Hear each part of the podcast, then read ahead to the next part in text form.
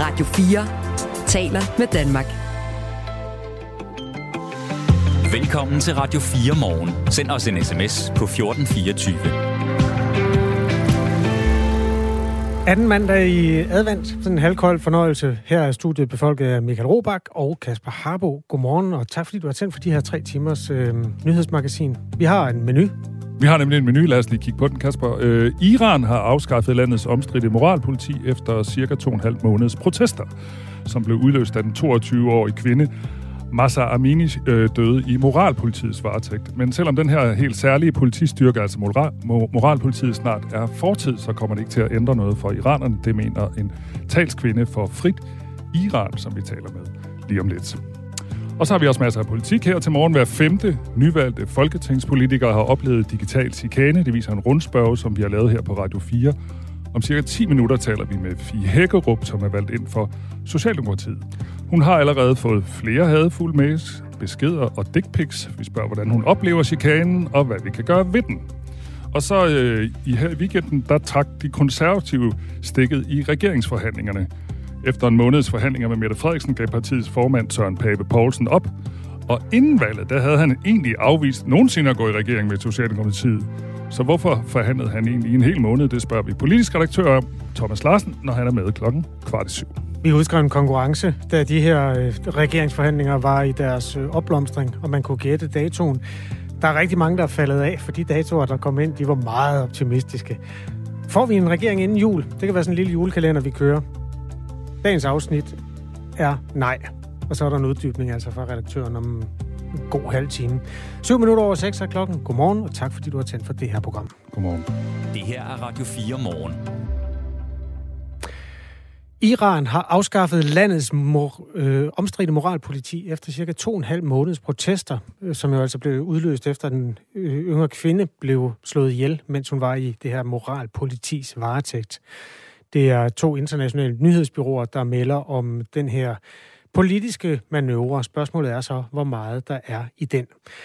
Irans moralpoliti har jo haft til opgave at, som det hedder, sikre respekten for islamisk moral det er den, der er beskrevet af landets åndelige myndigheder.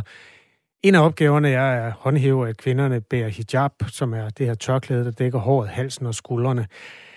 Det kan godt være, at politiet er fortid som sådan, øh, men det kommer ikke til at ændre så meget for iranerne, mener øh, Shallah, øh, undskyld, Shaleh øh, Tavakoli. Godmorgen. Ja, Jamen, godmorgen, og tak fordi jeg måtte være med. Øh, ja, jeg tror ikke på, at øh, den her udmelding er en oprigtig øh, udmelding i forhold til, hvad der skal ske i Iran. Jeg tror, at man prøver at købe sig tid, at man er desperat, at man øh, også gerne vil øh, gøre folk lidt forvirret i udlandet, og også måske nogen, der er lidt i tvivl stadigvæk derhjemme øh, i, i landet, øh, selvom de fleste ikke er i tvivl. Øh, så, øhm, så slår de jo også fast i den her nyhed, at, eller i den her udmelding, fra deres egen side af, at jamen, øh, altså, det er jo ikke fordi, man ændrer lovgivning, øh, men, og, og det bliver bare nogle andre myndigheder, mm. der ligesom får, får ansvaret for øh, at opretholde de her sociale øh, problemer, øh, som der kan opstå. Ikke? Protesterne ruller jo altså i Iran, og dermed bliver der sendt et signal til omverdenen i hvert fald. Det er måske det, man bestræber sig på. Øh, moralpolitiet, som nu er afskaffet, blev etableret under den tidligere præsident Mahmoud øh, Ahmadinejad og har patruljeret gaderne i 16 år. Det har været øh, omstridt og kritiseret på grund af sine metoder. Den her 22-årige kvinde, som døde i øh, politiets varetægt, hun lå i koma i tre dage. Øhm, hun var blevet anholdt, fordi øh, myndighederne ikke mente, at hendes hår var dækket godt nok. Og det var altså ja. den, hvad skal man sige, den seneste udvikling her, vi forsøger at belyse sammen med dig, Shalit Tavakoli, som er øh, talskvinde fra Frit Iran og debattør. Det kan jo godt ligne, at man har lyst til at vise, at man er klar til at øh, slække en lille smule på det der islamiske greb. Hvordan opfatter det, du det? Ja, men ved du, det spil har de kørt i 20 år. Øh, som minimum har de kørt det her med, jamen vi kan godt snakke om reformer, lad os kigge på det. Og så er de vendt tilbage og sagt, jamen ved du ved, ved, ved hvad, det er islamisk lovgivning, vi kan ikke gøre noget ved det. Øhm, og desuden så kan I ikke få lov til at stille op til valg, hvis I vil det, øh, med, de, med de politikere, som der, som, hvor, hvor, det, altså, hvor der er bare små forandringer øh, hvor folk har ligesom er kommet med de mindste forandringer. De er ikke kommet igennem med noget.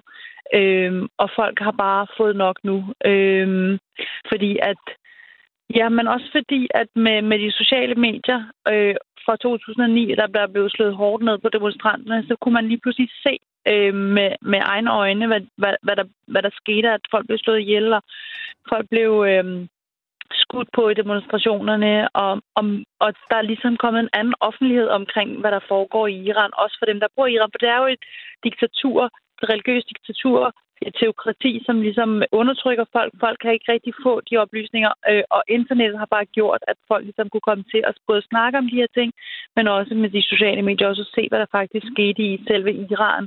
Mm. Øhm, de mennesker, du taler med i Iran omkring det her, hvad er deres opfattelse af det, der, der er sket nu? Altså at afskaffe et moralpoliti, der har eksisteret i 16 år, det er jo ikke en lille ting. Jamen, det er ikke afskaffet, fordi at øh, moralpolitiet er, er som sagt kun øh, øh, et moralpoliti, der eksisterede siden 2006. Men før det var der jo bare nogle andre politienheder, som var sat til at lave, altså påtage sig den samme opgave og slå ned på folk, og endda hårdere.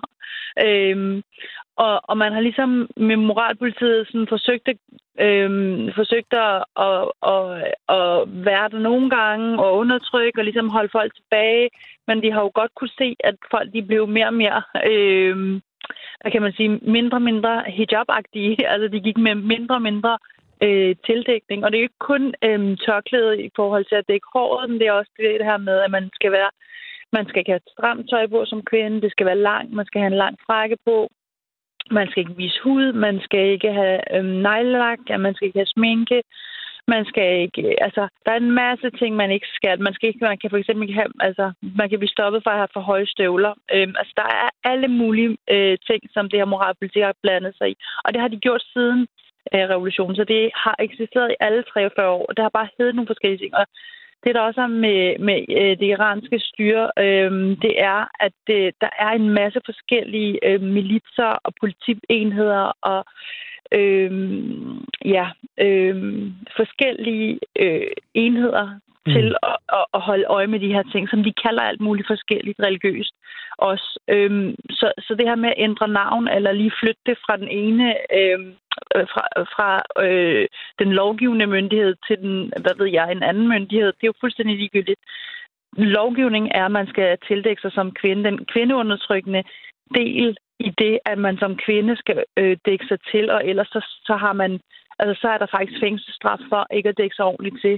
Ja. Øhm, den bliver jo ved med at være der. Øhm, det bliver bare nogle andre, der skal lov, øh, overhold, hvad hedder det, lov, hvad hedder det, håndhæve loven.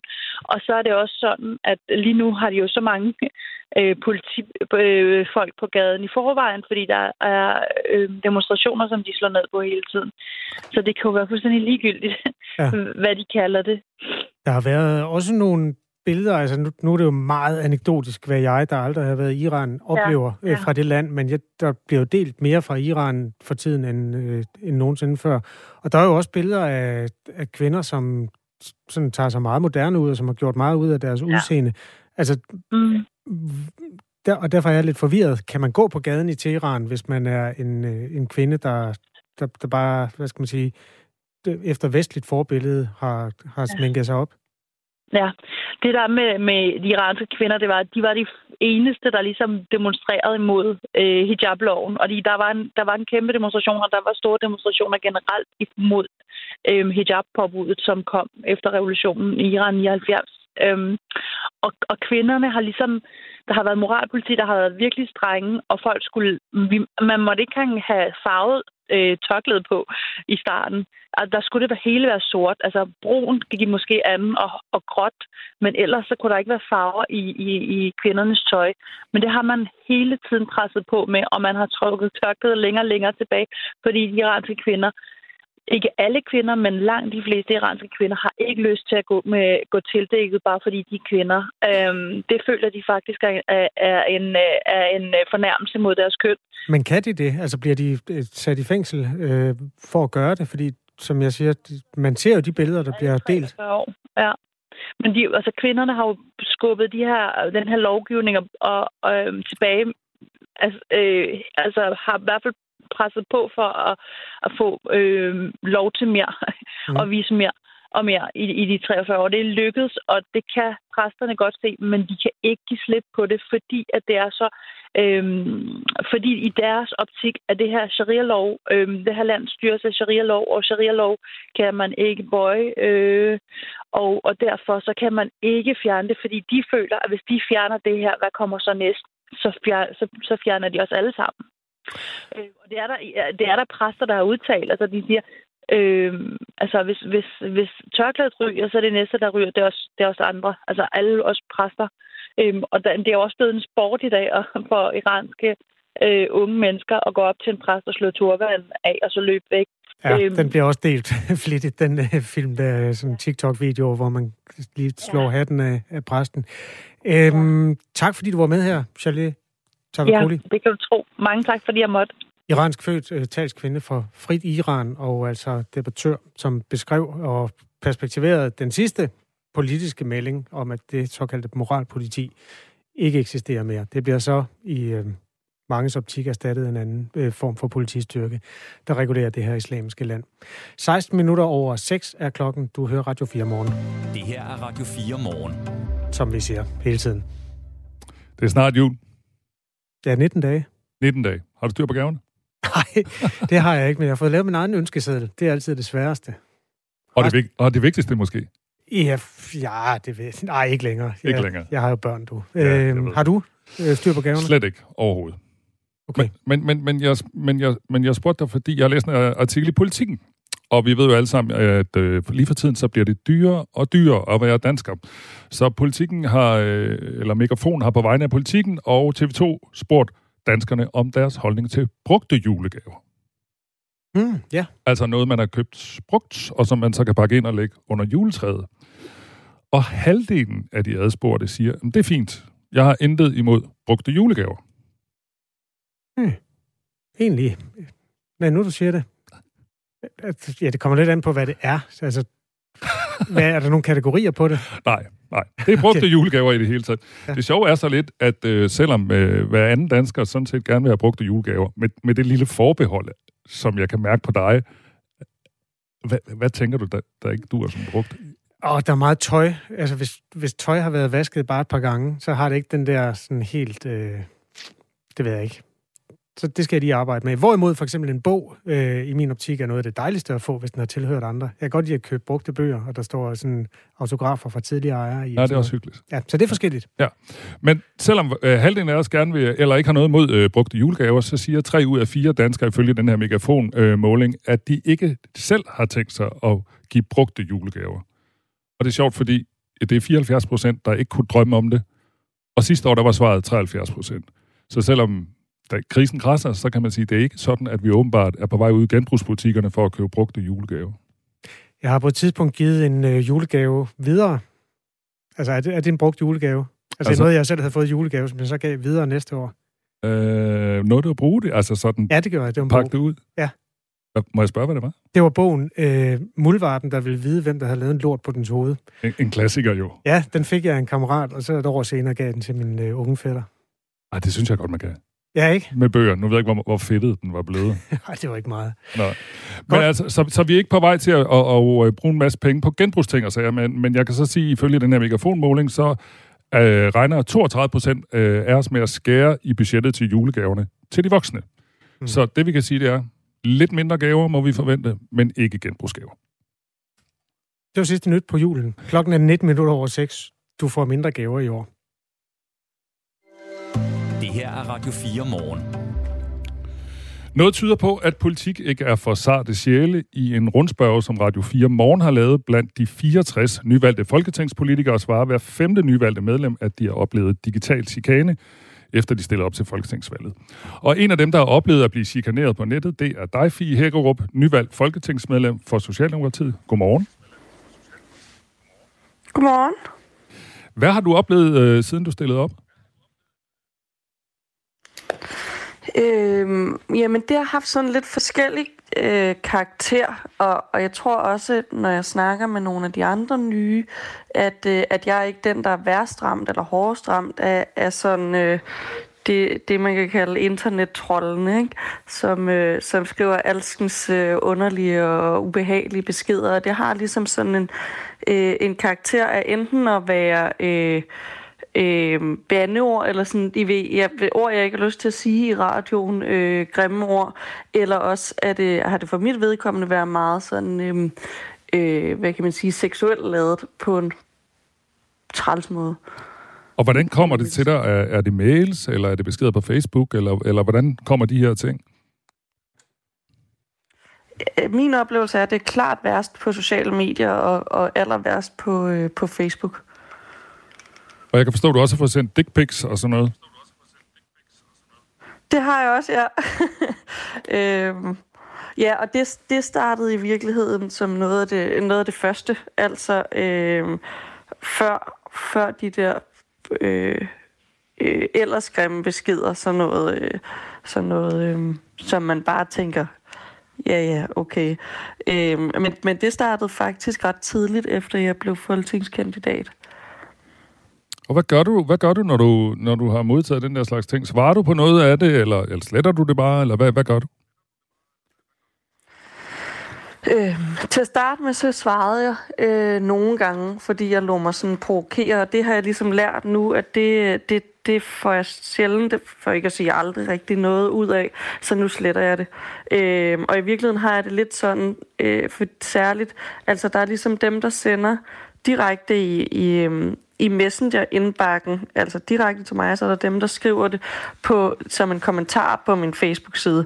Og dem, der skriver det som en, som en kommentar på min Facebook-side, der sletter jeg det, og det er fordi, jeg bliver, jeg bliver helt dårlig humør af at læse det. det kan jeg så det er meget sådan en... Øh, Ja, og i virkeligheden, så, så ved jeg ikke, fordi jeg er i virkeligheden lidt træt af, at det, det ender jo med at moderere lidt, hvor, hvor åben dialogen bliver på min Facebook-side med folk. Ikke? Mm. Øhm, og jeg vil jo gerne svare alle og have en, have en god dialog med alle, men jeg bliver simpelthen så mega dårlig humør at læse alle de der, øh, øh, alle de der, nu lyder det som om, der er rigtig mange sure beskeder, det er der ikke, men, men når de kommer, øh, så, så min dialog med mine følgere på sociale medier bliver også ligesom lidt begrænset af, at der er nogen, der bare skriver nogle rigtig, rigtig træls ting. Kan du prøve, kan du prøve jeg ved, det, det er muligvis svært, men kan du prøve sådan at sætte uh, tal på? Altså, hvor meget får du? Altså, for hvert Facebook-opslag, jeg laver, er der øh, en lille håndfuld. Og det kommer selvfølgelig an på, hvor godt, øh, hvor meget sker der med det Facebook, altså hvor meget interaktion er der med det Facebook-opslag i alt og sådan noget, ikke? Mm. Øh, så, men der er nok sådan, ja, sådan en lille... Der, er i hvert fald en, og der er for, øh, for det meste også flere, der skriver noget træls til, til alle de Facebook-opslag, jeg lægger op, ikke? Altså, så det er nede i kommentarfeltet. Hvor meget får du så sådan per mail eller messenger, altså hvor det er sådan, om, om man så må sige, direkte til dig og bagom? Mm.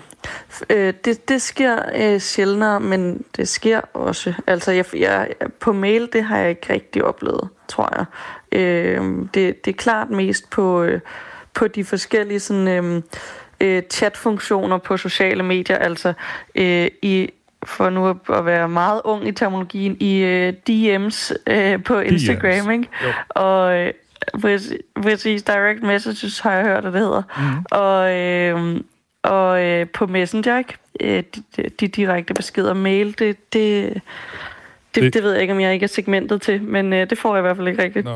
Var du egentlig forberedt, altså du er jo helt ny i politik, øh, var du forberedt på, øh, hvad der kunne møde dig sådan online, da du stillede op til valg? Ja, det var jeg. Det, altså, det, det har man jo hørt om længe, synes jeg. Jeg har, jeg har i hvert fald hørt om det længe, og har jo også oplevet... Øh, stået på sidelinjen med at have øh, familiemedlemmer, der har været i politik, så jeg, jeg ved jo, at det sker ikke. Øhm, og har også snakket med, med andre øh, om, hvad, hvad gør I, hvordan, hvordan griber I det an, hvordan modererer I så jeres øh, Facebook-side, eller hvad det nu kan være, ikke, for at man kan holde ud og øh, ja, man sådan kan finde en eller anden måde at at cope med det, det lyder sådan lidt voldsomt, men og, øh, fordi det kan, det kan faktisk godt gå hen og blive lidt meget voldsomt, hvis man sådan tager det for meget ind, ikke? Mm. Øh, jeg skal måske, måske lige øh, bare deklarere, når du siger øh, folk i din familie, der har været med i politik, så kan jeg sige, du er Nick Hækkerupsdatter. Bare lige for en god ordens skyld. Ja. Du er som sagt ikke den eneste af de nyvalgte folketingsmedlemmer, der siden valget blev udskrevet øh, 5. Øh, oktober har modtaget hadfulde kommentarer, dickpics og anden øh, uønsket opmærksomhed. Her på Radio 4 har vi spurgt de 64 nyvalgte danske folketingspolitikere om, hvorvidt de har været udsat for digital chikane. Og ud af de 45 folketingsmedlemmer, der er vendt tilbage på vores henvendelse, har 14 medlemmer, ligesom dig, opløs, oplyst, at de har oplevet øh, digital chikane. Og derudover fortæller 17 folketingsmedlemmer, at de ikke har oplevet digital chikane, og så er der 14 folketingsmedlemmer, der fortæller, at de har oplevet en grov tone på de sociale medier, som de ikke direkte vil betegne som digital chikane. Øh, det er jo ikke et nyt fænomen. For 10 år siden, der talte man også om hademails øh, blandt folketingspolitikere. Er det her digital chikane simpelthen bare et vilkår, man må leve med som politiker? Lige nu er det øh, tror jeg. Altså, øhm, og, og det så træls som, som det er, så tror jeg, så tror jeg, du altså det er, det er et vilkår lige nu, og man, og man får sådan lidt teflonhud, og i virkeligheden, det har jeg snakket med flere om, det der med, øhm, det er sådan lidt træls, at man er nødt til at tillægge sig den, øh, den teflonhud, og hele tiden skulle ryste, øh, ryste af sig, når man får nogle beskeder, som, som hvis man, øh, hvis man lader det gå gå sig på, faktisk kan være ret, øh, ret ubehagelig. Øhm, men, men jeg tror, jeg tror helt sikkert, altså, at, øh, at lige nu, det kan jeg i hvert fald konstatere med mig selv, eftersom jeg har jo lavet nogle forholdsregler for, hvordan jeg kan være i det, så, så, så er det bare et vilkår lige nu, så man skal finde ud af, hvordan man vil navigere i. En af de andre nyvalgte folketingspolitikere, der har oplevet digital chikane, det er Lars Christian Brask fra Liberal Alliance. Og i forbindelse med sin valgkamp havde han en plakat hængende i bybilledet med sit telefonnummer og en besked om, at han altid er klar til dialog. Og det fik en TikToker til at lave en video, der gik viralt. Lars Christian Brask, det er ikke gennemtænkt, hva'? Altid klar til en dialog, også efter valget, og så dit telefonnummer. Jamen, hvad nu hvis der er en eller anden dum TikToker, der kommer til at lægge det ud for flere tusind mennesker? Som så kunne finde på at ringe hele tiden. Ja, og opslaget her har ført til omkring 2.000 telefonopkald og 100 mobile pay requests. En episode, som politikeren husker starten på sådan her. Kl. 13.30, der begyndte telefonen at ringe uafbrudt. Altså hele tiden. Og jeg kunne ikke nå at tage det ene nummer, før det næste nummer kom på. Så jeg var godt klar over, at der var et eller andet i røre, men øh, var ikke klar over, hvad det var. Og øh, de der opkald, de fortsatte så i stridstrøm i øh, fire dage til øh, klokken øh, tidligere om morgenen, mange af dagene også. Lars Christian Brask får stadig den dag i dag en håndfuld opkald om dagen, takket være det her opslag på TikTok, og selvom han godt kan se det sjove i spøjen fra TikTokernes side, så er han ikke just begejstret over tiltaget. Ej, jeg synes jo, det er lidt ærgerligt, fordi øh, mit nummer er lagt op for at have en seriøs dialog, og for at folk kan komme i kontakt øh, med en folkevalgt, øh, og du signalerer jo klart og tydeligt, at du er klar til at hvile til dialog. Øh, og det bliver jo sådan lidt et misbrug, når, øh, når det bliver brugt på den der måde. Men oplevelsen har ikke skræmt politikeren væk fra at sætte sit øh, nummer på en plakat en anden gang. Hvis ikke det bliver misbrugt voldsomt igen, så, øh, så vil det stadigvæk være sådan, at der på mine valgplakater og mit øh, materiale står altid klar til dialog. Det siger altså Lars Christian Brask, der betegner episoden som drengestreger. Flere af de politikere, vi har talt med, taler, øh, øh, taler lidt deres oplevelser ned med henvisning til lidt ligesom her drengestreger. Det er jo en grov tone. Der er jo en grov øh, tone på de sociale medier, siger de. Øh, Fie, hvor går din personlige grænse? Øhm, altså, jeg kan i hvert fald mærke på mig selv, at det, der, det er sådan øh, tager mest ind, det er, når, det, når jeg bliver tillagt alle mulige, og der skal nok være nogen, der gør det, alle mulige, altså de værst tænkelige intentioner på ting, som for eksempel her... Øh, i, øh, i efteråret, i starten af september, der blev jeg gift med min mand, øh, lige op til valgkampen, og der var der, der var der nogen, der skrev, det er også bare sådan noget, hun gør, nu bliver hun bare gift, fordi at det er taktisk, øh, og der kommer valgkamp lige om lidt, og valgkampstrommerne bullerede jo der i, i september, så, så der var ligesom nogen, der, der indikerede det, indikerede det ikke, de sagde det faktisk, øh, eller skrev det faktisk, at, øh, at det er bare sådan noget, hun gør, nu gør hun bare det, fordi at, øh, at det er smart, og så får hun flimmer og sådan noget, ikke? Øh, hvor det, det rammer mig ligesom på en anden mm. måde, og det tror jeg, det handler om, at det, at det kommer tæt på, at det er min mand, og øh, han har ikke bedt om det her, eller sådan, øh, på, og når, når folk bare skriver den dumme kælling, eller hvad de kan finde på at skrive, det, det rører mig ikke rigtigt, men, men sådan det der med, at der, og der det er lige meget, jeg tror, det er lige meget, om man er en levende engel, så vil der altid være nogen, der tillægger en nogle fuldstændig mod, modbydelige øh, øh, intentioner eller motiver, når man lægger noget op på sociale medier som politiker. Så jeg tror, det jeg sådan har lært med mig selv, er, at man bliver nødt til bare at være sig selv og mærke efter i maven, hvad der, hvad der sådan føles rigtigt, og så gå med det. Altså, og, og så dem, der, dem, der tænker, man er en, man er en kæmpe nar, det skal, skal der nok være nogen, der gør, så synes så har man det mindste selv en god mavefornemmelse med de valg, man har truffet. Ikke? Tusind tak, fordi du øh, gav os øh, dit blik på det her, øh, Fie Hækkerup, som altså er nyvalgt folketingsmedlem for Socialdemokratiet. Du lytter til Radio 4 morgen. Klokken er halv syv. Nu er der nyheder på Radio 4. Liberal Alliances formand Alex Vanopslag har lidt svært ved at se, hvorfor et borgerligt parti skal gå med i en socialdemokratisk regering. Det skriver han i et længere opslag på Facebook, hvor han kommenterer regeringsforhandlingerne. Liberal Alliance er stadig med i forhandlingerne om en regering over midten, og Alex Van Opslag skriver heller ikke, at partiet vil trække sig fra forhandlingerne. Men ifølge partiformanden, så har Liberal Alliance ikke været inviteret til møde den seneste uge. I Liberal Alliance har vi haft en konstruktiv tilgang til forhandlingerne. Selvfølgelig vil vi gerne samarbejde om at løse nogle af Danmarks udfordringer, særligt hvis løsningerne er liberale.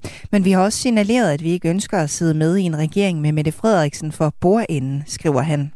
I lørdags trak de konservative sig fra forhandlingerne. Det største borgerlige parti Venstre vil dog fortsat sidde med ved forhandlingsbordet. Det har partiets formand Jakob Ellemann Jensen meddelt.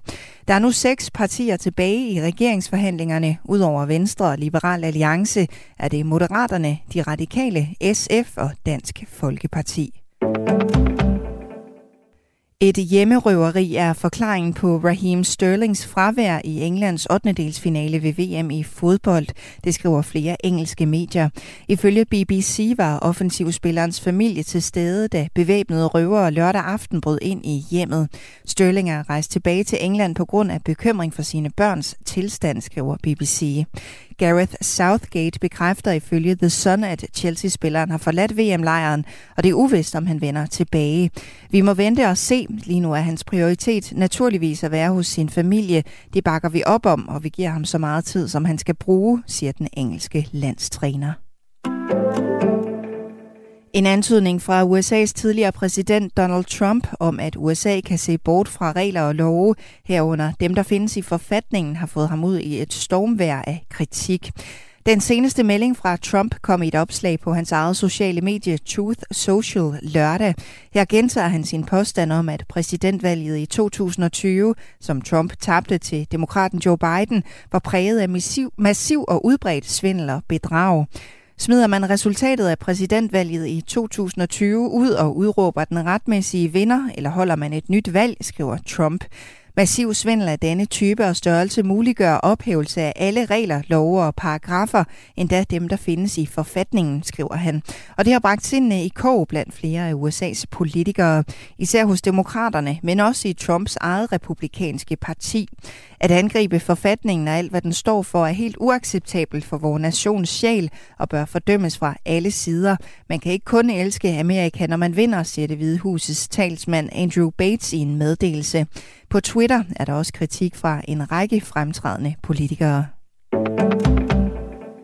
Omkring 2.500 døde sæler er skyllet op på kysten i den russiske republik Dagestan ud til det Kaspiske hav. Det oplyser russiske myndigheder. Lørdag var der meldinger om omkring 700 døde sæler, men det tal er altså steget markant. Dødsårsagen er ukendt, og der er fortsat undersøgelser i gang. Derfor kan dødstallet stige. Det er den største massedød blandt kaspiske sæler i de seneste 10 år. Det oplyser myndigheder ifølge nyhedsbyrået TAS. I dag får vi skyet vejr og ved Østersøen perioder med regn eller byer. Temperaturen lander mellem 1 og 6 graders varme, og vinden bliver let til frisk fra øst og nordøst. Og her især i morgentimerne er der risiko for pletvis rimglatte veje i det nordvestlige Jylland. Det var nyhederne på Radio 4 med Signe Ribergaard Rasmussen. Du lytter til Radio 4 morgen. Husk, du kan skrive en sms til os på 1424. Hos os er det enkelt. Vi har sløjfet alle gaver, både til børn og voksne. Vi vælger ikke at fejre den intet træ, ingen pynt. Gaverne er gået til vores gasselskab, God dag, skriver Ronny på sms'en 1424. Det er næsten lidt trist, men det er efter vi talte om øh, tidligere i morges, øh, om at måske skulle man give lidt brugte gaver, selvom øh, halvdelen af danskerne er klar på at få brugte gaver, men kun en fjerdedel er klar til at give brugte gaver. Det er en kommentar til det, som øh, Ronja har skrevet på 1424. Ja, julen er aflyst. Øh, det er vi sådan lidt kede af, Ronny. Han er en fast leverandør, og han står altid tidligt op, den gode mand. Øh, men øh, hvis du kender en mand, der hedder Ronny, der altid er oppe på det her tidspunkt, så får du altså ingen gaver af ham i år, uanset hvor gammel du er. Øh, derudover kommer vi til at øh, belyse både de her hadbeskeder, som vi var ombord i lidt tidligere. Mm. Vi skal også se nærmere på regeringsforhandlingerne om cirka et kvarter. Radio 4 Morgen er i dag øh, befolket af nyhedsvært Signe Ribergaard Rasmussen, Michael Robach, den nye mand, og Kasper Harbo, den gamle mand. Klokken godmorgen. Er, ja, godmorgen og velkommen til. tak. Okay, øh, vi begynder lige med øh, sundhedsvæsenet, som har fået en ny udfordring. Øh, nye skærpede regler til sikkerhedsdokumentationen for det medicinske udstyr kan nemlig gå hen og betyde, at der bliver mangel på det vigtigste medicinske udstyr overhovedet. Det fortæller Dagbladet Politikken. Den historie skal vi belyse nu med hjælp fra Camilla Ratke, der er formand for Lægeforeningen. Godmorgen. Godmorgen. Hvad er det for en problemstilling, som er den nye her, som giver udfordringen? Udfordringen er, at der er kommet nogle EU-regler, som faktisk stiller øget krav til dokumentationen af medicinsk udstyr. Helt sammenligneligt med, at vi også har en masse krav til medicin, vi indfører. Og det er vi sådan set rigtig glade for. Det hylder vi, fordi vi vil jo gerne have nogle øh, produkter på markedet, der er sikre for patienterne øh, at, at, at bruge. Men udfordringen er også, at øh, alt det medicinske udstyr, vi anvender i dag, hvad enten det er hofteproteser, eller pacemaker, eller katetre, vi putter i, i karne, jamen de skal alle sammen øh, godkendes igen, selvom de har været i anvendelse, og alle nye produkter skal selvfølgelig også godkendes. Og det skal de inden for en frist, der hedder udgangen af 2024, og vi har desværre øh, ret få, det vi kalder bemyndigede organer, det vil sige institutioner, der formår at lave de her certificeringer. Og det vil sige, at vi risikerer ikke at komme i mål inden udgangen af 2024, og derfor kan være nødsaget til at tage nogle af de her remedier øh, ud af behandlingen af patienterne. Hvilken betydning har så det, altså mangel på medicinsk udstyr? Det er jo ikke noget, vi er vant til at stå ansigt til ansigt med i Danmark. Hvad kommer det til at betyde for danske patienter? Jamen det, som øh, vores bekymring er, det er jo en dialog, vi har haft et gennem stykke tid, også med danske regioner, og vi har sådan set også fra Lægeforeningens side haft dialogen på internationalt øh, plan, fordi det her er jo EU-regler, så det er også noget, vi drøfter med vores øh, kollegaer i andre lande og, og med EU. Men udfordringen er, at vi jo kan risikere, at der er ting, vi bruger i dag i det danske sundhedsvæsen, enten til udredning eller behandling af patienterne, som vi ikke kan bruge længere.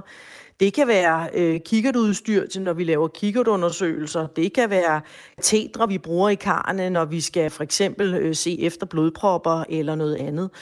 Og, øh, og det har selvfølgelig en konsekvens, hvis der pludselig er udstyr, vi ikke kan bruge mere, så kan vi måske ikke yde den behandling, vi gerne vil, og som vi betragtede som den bedste, og så skal vi finde på et alternativ. Og det er også derfor, vi i så god tid nu, inden 2024, egentlig har fokus på problemstillingen i forhold til at få EU til at bløde lidt op for, hvor hurtigt det her skal gå, selvom vi gerne ser reglerne indført. Lige nu belyser vi altså de nye europæiske regler, der kort fortalt har skærpet kravene til sikkerhedsdokumentation for både eksisterende og nyt medicinsk udstyr på markedet i Europa, altså fordi det udspringer af EU. Deadline for det her, det er 2024, den 26. maj, hvor alt udstyr skal være godkendt med den her CE-mærkning efter den nye forordning for øh, lovligt at kunne øh, blive brugt. Ifølge brancheforeningen Medicoindustrien, som Dagbladet Politikken har talt med en repræsentant fra, er der alt for få af de bemyndigede organer, der står for at øh, godkende udstyret, blandt andet fordi den nye lovgivning også stiller krav, skærpede krav til dem, der udsteder certifikaterne.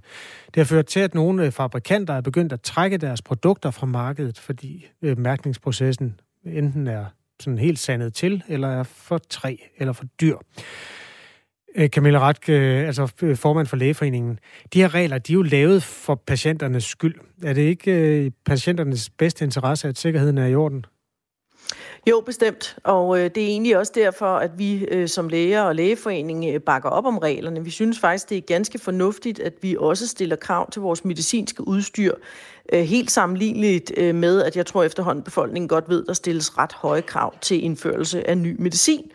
Så i virkeligheden hylder vi jo også, at reglerne er kommet, men vi er jo også nødt til at gå fra den ene virkelighed, hvor vi ikke har haft reglerne, og så til en ny virkelighed, hvor øh, vi så er sikre på, at alt udstyr har fået deres godkendelse, og at den overgangsfase bliver realistisk at komme igennem, uden at vi for eksempel også skal til at tage øh, udstyr ud af behandlingen, som vi har kendt øh, længe og har brugt længe, og hvor vi ikke har oplevet øh, sikkerhedsudfordringer.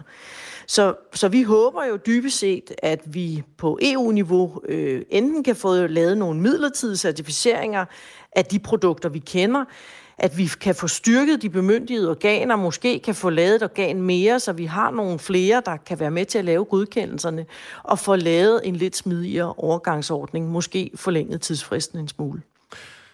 Det er lidt forvirrende, når man bruger udtrykket organer i forbindelse med ja, diskussionen. du har helt ret. Det er ikke øh, hjerter og fødder og sådan noget, vi taler om. Nej, Nej. og det er, det er også hvor jeg tidligere kaldte det institutter, fordi de ja. er jo, øh, det er jo sådan nogle offentlige instanser på et eller andet plan, som kan gå ind og, og godkende de her ting. Godt. Vi skal have lavet nogle instanser, øh, taler vi altså med Camilla Ratke om, som er formand for Lægeforeningen. Øh, vi har fået en sms fra vores lytter, jeg tror han hedder Jesper. Han er en mand, der giver lyd af og til, som øh, skriver en smiley, der banker hovedet ned i bordet, og så påpeger at han gerne snart vil ud af den her EU-institution. Camilla Ratke, du behøver ikke tage stilling til, om vi skal ud af EU, men altså, er EU nogle gange en, en sten på vejen i forhold til at drive sundhedsvæsen? Altså EU skal jo sådan set ikke drive sundhedsvæsen. Det er jo faktisk en af de opgaver, EU ikke skal. Men der er jo trods alt øh, en del regler øh, og, og, og, og ting, der har med sundhedsvæsenet at gøre. Et er medicin, noget andet medicinsk udstyr.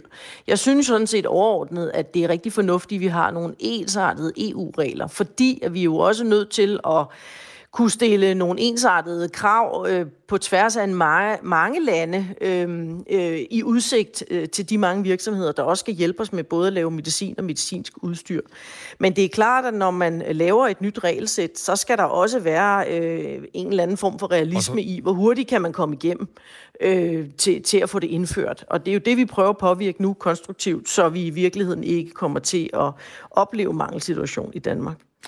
I den her uge mødes EU's sundhedsminister i Bruxelles, og der har både I i Lægeforeningen og Medikoindustrien opfordret øh, til, at den fungerende sundhedsminister Magnus Heunicke fra Socialdemokratiet deltager og adresserer den her problemstilling. Men om han deltager, og om regeringen overhovedet kan præsentere en klar dansk holdning, det er uklart på grund af den politiske stillstand i Danmark siden valgudskrivelsen. Det fortæller Sundhedsministeriet til politikken. Så der står den altså. Hvad vil I øh, i Lægeforeningen gerne opnå med det her opråb? For du, du lytter til et opråb lige nu, kære lytter, fra Camilla Retke og Lægeforeningen. Hvad vil I gerne opnå, Camilla Retke? Ja, men vi ved, der er et møde her den 8. 9. december, og har jo sådan set rettet henvendelse til Sundhedsministeriet og den fungerende sundhedsminister i forhold til at tage problemstillingen med øh, til EU og rejse det på det her møde, så man er, har en opmærksomhed og måske også får øh, gjort noget ved det på nuværende tidspunkt, laver en forlænget frist med mere, som vi drøftede før. Øh, og det er jo ikke sikkert, at det er muligt for den fungerende minister, øh, men det havde vi sådan set håbet på, fordi det her ikke er en helt ny politisk problemstilling. Det vi derudover har gjort, det er, at vi sammen med vores europæiske øh, kollegaer i den europæiske lægeforening faktisk har øh, skrevet direkte til Ursula von Leyen øh, i forhold til at rejse problemstillingen. Så vi prøver på rigtig mange niveauer at komme ind de steder, hvor, hvor der er nogen, der kan øh, løfte problemstillingen på EU-plan. Og det bliver vi jo ikke, øh, eller det holder vi jo ikke op med, før vi kan se, se at vi rent faktisk også når hen et sted, hvor, hvor problemet øh, langsomt kan løse sig frem mod den nye øh, indførelse af reglerne. Tak fordi du var med her. Camilla Ratke, som altså er formand for Lægeforeningen, og øh, foreningen, som har øh, ja, ragt ud til toppen af EU i håbet om at få de her bestræbelser på at øh, gøre sikkerheden bedre for medicinsk udstyr, til ikke at stå i vejen for, at man kan drive sundhedsvæsen i Danmark. Klokken er 6.44. Det her er Radio 4 morgen. Og så kan vi sige godmorgen til vores øh, gode kollega Mathias Bunde. Vi sidder nemlig ikke helt alene her i studiet. Vi har gode folk til at arbejde øh, på nogle af morgens historier. Mathias, hvad, hvad kigger I på? Ja, jeg sidder og prøver at kigge lidt på de her regeringsforhandlinger, som er i gang. Og her i går, sent aften, der kom øh, Liberal øh, Alliances formand Alex Vanopslag med en analyse af regeringsforhandlingerne. Og han mener, fordi at det har der jo været meget snak om i de her regeringsforhandlinger, at Mette Frederiksen har sagt nej til den, til den røde højrefløj, og så har inviteret Venstre og Moderaterne. Den røde og, højrefløj, hvad er det for en? Den røde venstrefløj, undskyld. det beklager jeg. Øhm, men gerne vil danne en regering over midten, simpelthen.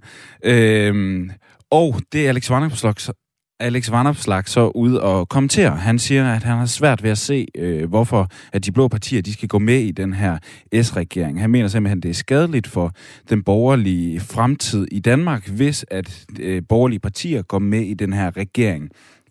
Fordi at så er der ikke nogen, der kan vælte øh, Mette Frederiksen af pinden næste gang, der er valg.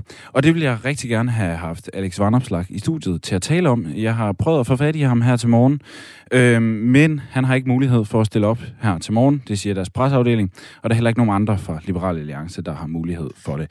Men jeg jagter, jeg jagter videre, fordi at Jacob Ellemann, han har også været ude og kommentere de her forhandlinger. Han har skrevet på Twitter, at hvis Venstre skal lave et forpligtende samarbejde med Socialdemokratiet, uanset om det er opposition eller i regering, så skal indholdet være ud over det normale politiske ambitionsniveau.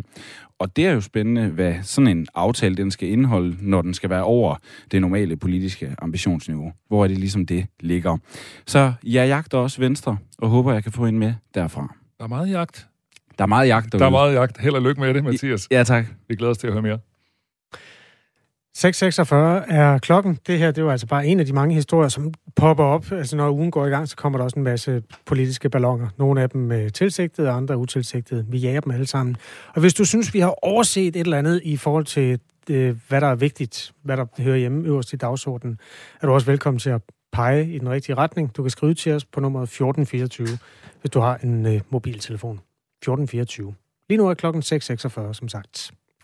Og vi bliver lidt ved det der med politik, som, øh, som Mathias lige nævnte, for i weekenden, der meldte det konservative Folkeparti sig endegyldigt ud af regeringsforhandlingerne. Det meddelte partiets formand Søren Pape Poulsen på Facebook i lørdags.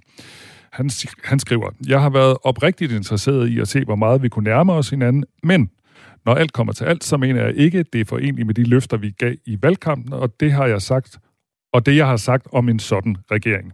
Politik handler i høj grad også om troværdighed, skriver han blandt andet. Thomas Larsen er politisk redaktør på Radio 4. Godmorgen.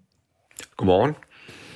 Inden valget, der afviste Pape alt snak om en bred regering med Mette Frederiksen som statsminister, og nu har de alligevel siddet, altså de konservative, med ved, med ved forhandlingsbordet i en hel måned, inden de trak stikket. Hvordan hænger det sammen? Hvordan kan det være, der er gået en hel måned, mens de har siddet derinde, selvom de sagde noget andet under valgkampen?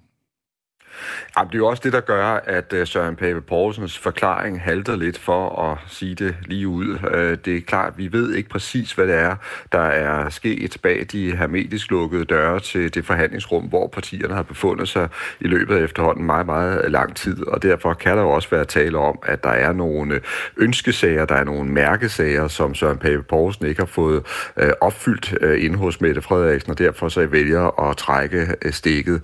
Men der er måske også en anden forklaring, fordi det har været helt tydeligt, når man har fulgt øh, de konservative i den seneste tid, og måske især har fulgt øh, det konservative bagland, at der har været ved at opbygge sig en stadig større modstand mod, at Søren Pape Poulsen skulle føre sit parti ind i en regering. Og det er en modstand, vi har kunne se komme både fra borgmestre, fra øh, vigtige øh, stemmer i det kommunale, altså i det kommunale bagland i, i det hele taget, mm. øh, og rent faktisk også ved vi, at i partiets øh, hovedbestyrelse var der også enorm modstand mod, at de konservative skulle gå i regering. Så jeg tror, at Søren Pape Poulsen i virkeligheden måske har været mere interesseret i at prøve at, at få øh, partiet øh, i regering selv, men har måttet opgive tanken på grund af modstand i, i øh, baglandet. Så derfor er der måske også tale om en form for historieforvanskning, når han går ud og siger de her ting nu. Så du vurderer simpelthen, det mest af alt handler om, at baglandet har, har, har trukket i nødbremsen og sagt, nej, nej, nej, det skal vi ikke være med til? Fuldstændig rigtigt, ja. Hvor stiller det så øh, Søren Pape og de konservative i det politiske landskab, nu hvor de ikke vil være med? Nu bliver de jo ikke en del af en bred regering. Ja, det betyder umiddelbart, at Søren Pape Poulsen og de konservative ikke får den indflydelse og den magt, der ligger i at være en del af en regering, fordi der får man simpelthen direkte øh, indflydelse på dansk politik, og der ligger altså også en særlig værdi i at have øh, ministerposter, og den får de øh, ikke nu. Øh, de kommer så tværtimod tilbage til at skulle, øh, skulle blive i, i en borgerlig blå øh, opposition, øh, og det der jo selvfølgelig bliver rigtig vanskeligt for de konservative i den situation, det er, at de er reduceret til et ret lille parti. Det skete jo ved valget, øh, og de er et lille parti, ikke mindst i forhold til Danmarksdemokraterne øh, under Inger Støjberg og øh, Liberal Alliance, øh, hvor de har Alex Vandopslag i, i front. Øh, så på den måde kan det godt blive svært for de konservative at, at få plads. Det, der så er fordelen, det er lige præcis, at nu kan de manifestere sig som et øh, ægte, reelt blot parti, øh, der vil øh, stå for, for, for borgerlige mærkesager, og Søren Pape Poulsen kan måske også håbe på så, at han kan være med til at, at, at samle en, en, en blå blok, der så vil stå stærkere til næste folketingsvalg. Men Thomas, det er ikke sådan, at øh, Søren Pape er selvskrevet til så ligesom at være leder af opposition. Nu nævner du det, der er også nogle andre partier, der er blevet halvstore. Altså det er ikke sådan, man, nu når han har meldt sig ud, så kan man sige, så er han den, ligesom den fødte leder af oppositionen, hvis vi får en SV-regering for eksempel. Nej, og det er et rigtig godt øh, spørgsmål, du stiller der, fordi det er måske noget af det, der bliver allermest interessant at følge med i i Blå Blok, det er, hvem skal rent faktisk lede den fremadrettet, og det står fuldstændig henne i det, i det uvisse øh, lige nu. Der er ikke nogen, der har lagt øh, billet ind på den post i, endnu, øh, og det bliver netop spændende at, at se, om det bliver en, øh, en vandopslag, øh, der kommer til at tone frem som den nye leder af, af Blå Blok, eller om det vil være Inger Støjberg, der vil forsøge at, at blive en meget fremtrædende, samlende figur, eller eller om Pape han vil kunne kæmpe sig tilbage igen og få chancen igen. Umiddelbart, der må man bare sige, at det ser svært ud. Øh, hvis vi så vender blikket en lille smule mod Venstre og Jakob Ellemann, de sidder jo stadigvæk øh, ved forhandlingsbordet i statsministeriet. Øh, hvad betyder det for, for, for ham og for Venstre, at de konservative nu er ude?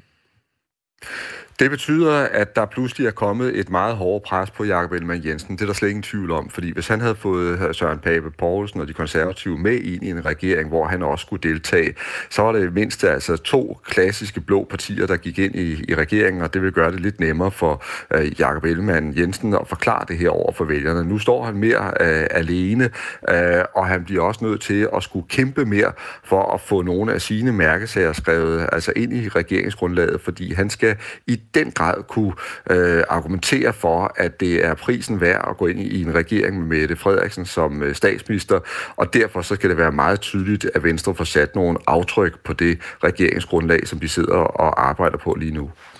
Regeringsforhandlingerne har været i gang i fem uger, og i forrige uge der blev Enhedslisten, Alternativet og Nye Borgerlige side fra, og officielt er der så nu seks partier med i forhandlingerne med den kongelige undersøger, som hun hedder, Mette Frederiksen. Det er Venstre, det er Moderaterne, de Radikale, SF, Liberal Alliance og Dansk Folkeparti. Hvor mange af de her partier ser du reelt kan finde på at indgå i en regering med Socialdemokratiet? Ja, nu så vi jo netop, at uh, Alex Vanderslag fra uh, Liberal Alliance uh, i aftes jo mere eller mindre uh, trak stikket på forhandlingerne. Uh, og jeg tror også, det er komplet urealistisk, at Dansk Folkeparti selvfølgelig ender med at være med i den her uh, kommende uh, regering. Men ellers vil jeg sige, at de uh, øvrige partier, du, du nævner, de er faktisk kandidater alle sammen. Om de så ender med at være med i en meget bred flertalsregering, det er stadigvæk uh, tvivlsomt, men det er altså seriøse kandidater. Et af, ven, et af Venstres argumenter for at gå i regering med Socialdemokratiet er, at der ikke sådan, at de i hvert fald brugt øh, udtrykket, der ikke er et reelt borgerligt projekt længere øh, efter valget. Hvad vil det betyde for samarbejdet i Blå Blok, hvis Venstre går i regering med Socialdemokratiet, mens konservativ er i opposition? Ja, det vil jo netop betyde, at de skal til at, at lede efter nogle øh, nye lederskikkelser i Blå Blok, og man skal finde ud af, hvem der også skal være altså en øh, kommende øh, blå statsministerkandidat, for det vil være ret svært at se, at det vil være Jakob Ellemann Jensen, hvis han pludselig sidder i regering sammen med Mette Frederiksen. Og så tror jeg så også, at vi i det hele taget kommer til at se, at de øvrige, de øvrige blå øh, og borgerlige partier, de vil lægge et enormt pres på, på Venstre. Altså, de øh, vil angribe Venstre for for at være gået i regering med Mette Frederiksen. De vil beskylde øh, Ellemann for at have svigtet alle sine øh, valgløfter, og de vil også meget, meget nøje altså overvåge, hvad det er for en politik, som øh, en ny regering skal, skal, skal føre, og de vil stikke kniven ind der, hvor de har mulighed for det. Så altså, ligegyldigt, hvordan man end vender og drejer af det her, så er det klart, at hvis øh, Ellemann øh, ender med at gå øh, ind i en ny regering under Mette Frederiksens øh, ledelse, så er det jo et mere altså splittet øh, blot Danmark, som vi er vidne til øh, der. Og det tror jeg både, at en Inger Støjberg, Vandopslag og nu også Søren Pape Poulsen vil gøre opmærksom på. Moderaterne, er, altså Lars Lykkes parti, er, er som nævnt stadig med i regeringsforhandlingerne. Øh, de konservatives udmeldinger ifølge Moderaternes politiske ordfører Jakob Engel Schmidt ærgerlig. Hvad betyder det egentlig for Moderaternes chance for at komme i regering, at øh, de konservative melder sig ud? Ja, det er virkelig interessant, fordi det kan måske gå hen og åbne døren lidt mere for Moderaternes deltagelse i en ny øh, regering. Fordi det, vi har været vidne til hidtil, har faktisk været altså, øh, lidt af en øh, altså, besønderlig fortælling, forstået på den måde, at det var jo Lars Løkke Rasmussen om nogen, der har været fortaleren for, at der skal laves en øh, bred, stærk regering i, i, i Danmark, en regering hen over øh, midten. Og det har jo også været et tema, som øh, kom kom til at fylde i valgkampen, og det har været en opgave, som øh, Mette Frederiksen så har påtaget sig efter valget, det her med at prøve at lave en, en bred regering. Men det, der har været lige så tydeligt i løbet af regeringsforhandlingerne, det er, at flere af de øvrige partiledere, de er meget utrygge ved netop øh, Løkke. De stoler ikke helt på ham. De er bange for, hvad han vil gøre, hvis han kommer ind i en ny regering og bliver et magtfuldt medlem af en ny øh, regering. Og derfor så har han reelt været holdt lidt på distancen. Måske får han chancen for at rykke tættere på nu, og også få chancen for rent faktisk at ende med at blive med øh, og blive medlem af den nye regering.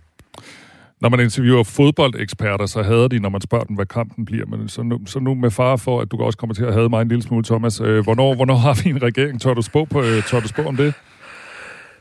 Det, jeg hører fra mine kilder, og det er det tætteste, jeg kommer, det er, at de mangler stadigvæk nogle større udstående, og derfor er der i hvert fald flere, der har sagt til mig, at den her uge øh, kommer rent faktisk også til at gå, og det vil sige, så slår vi altså en, øh, en Danmarks rekord, nogen vil sige en tvivlsom Danmarks rekord, fordi aldrig har vi ventet så længe på at få en ny regering, som vi er altså indstillet på nu, eller som vi er vidne til nu. Der er langt op til verdensrekorden. Var det ikke ni måneder, de brugte i Belgien på et tidspunkt? De har haft nogle helt usandsynlige lange regeringsforhandlinger. Jeg kan ikke huske, om det var ni måneder, eller om det ovenkøbet var, var, var endnu mere, men det var, det var omkring sådan knapt et, et år. Jeg, jeg, jeg tror ikke, vi kommer dertil, trods alt. Jeg tror, jeg tror vi, er, vi er tættere på, men altså, den, kom, den, kom, den her uge, den kommer formentlig også til at gå. Det satser vi på, at, det ikke, øh, at vi har en regering før sommerferien i hvert fald. Tusind tak for analysen, Thomas Larsen, som er politisk redaktør på Radio 4. Klokken er tre minutter og syv. Du hører Radio 4 morgen. Hvis du efterhånden har hørt så meget om de regeringsforhandlinger, og du får lyst til at kommentere dem, så skriver du bare til os på 1424. Det her er Radio 4 morgen.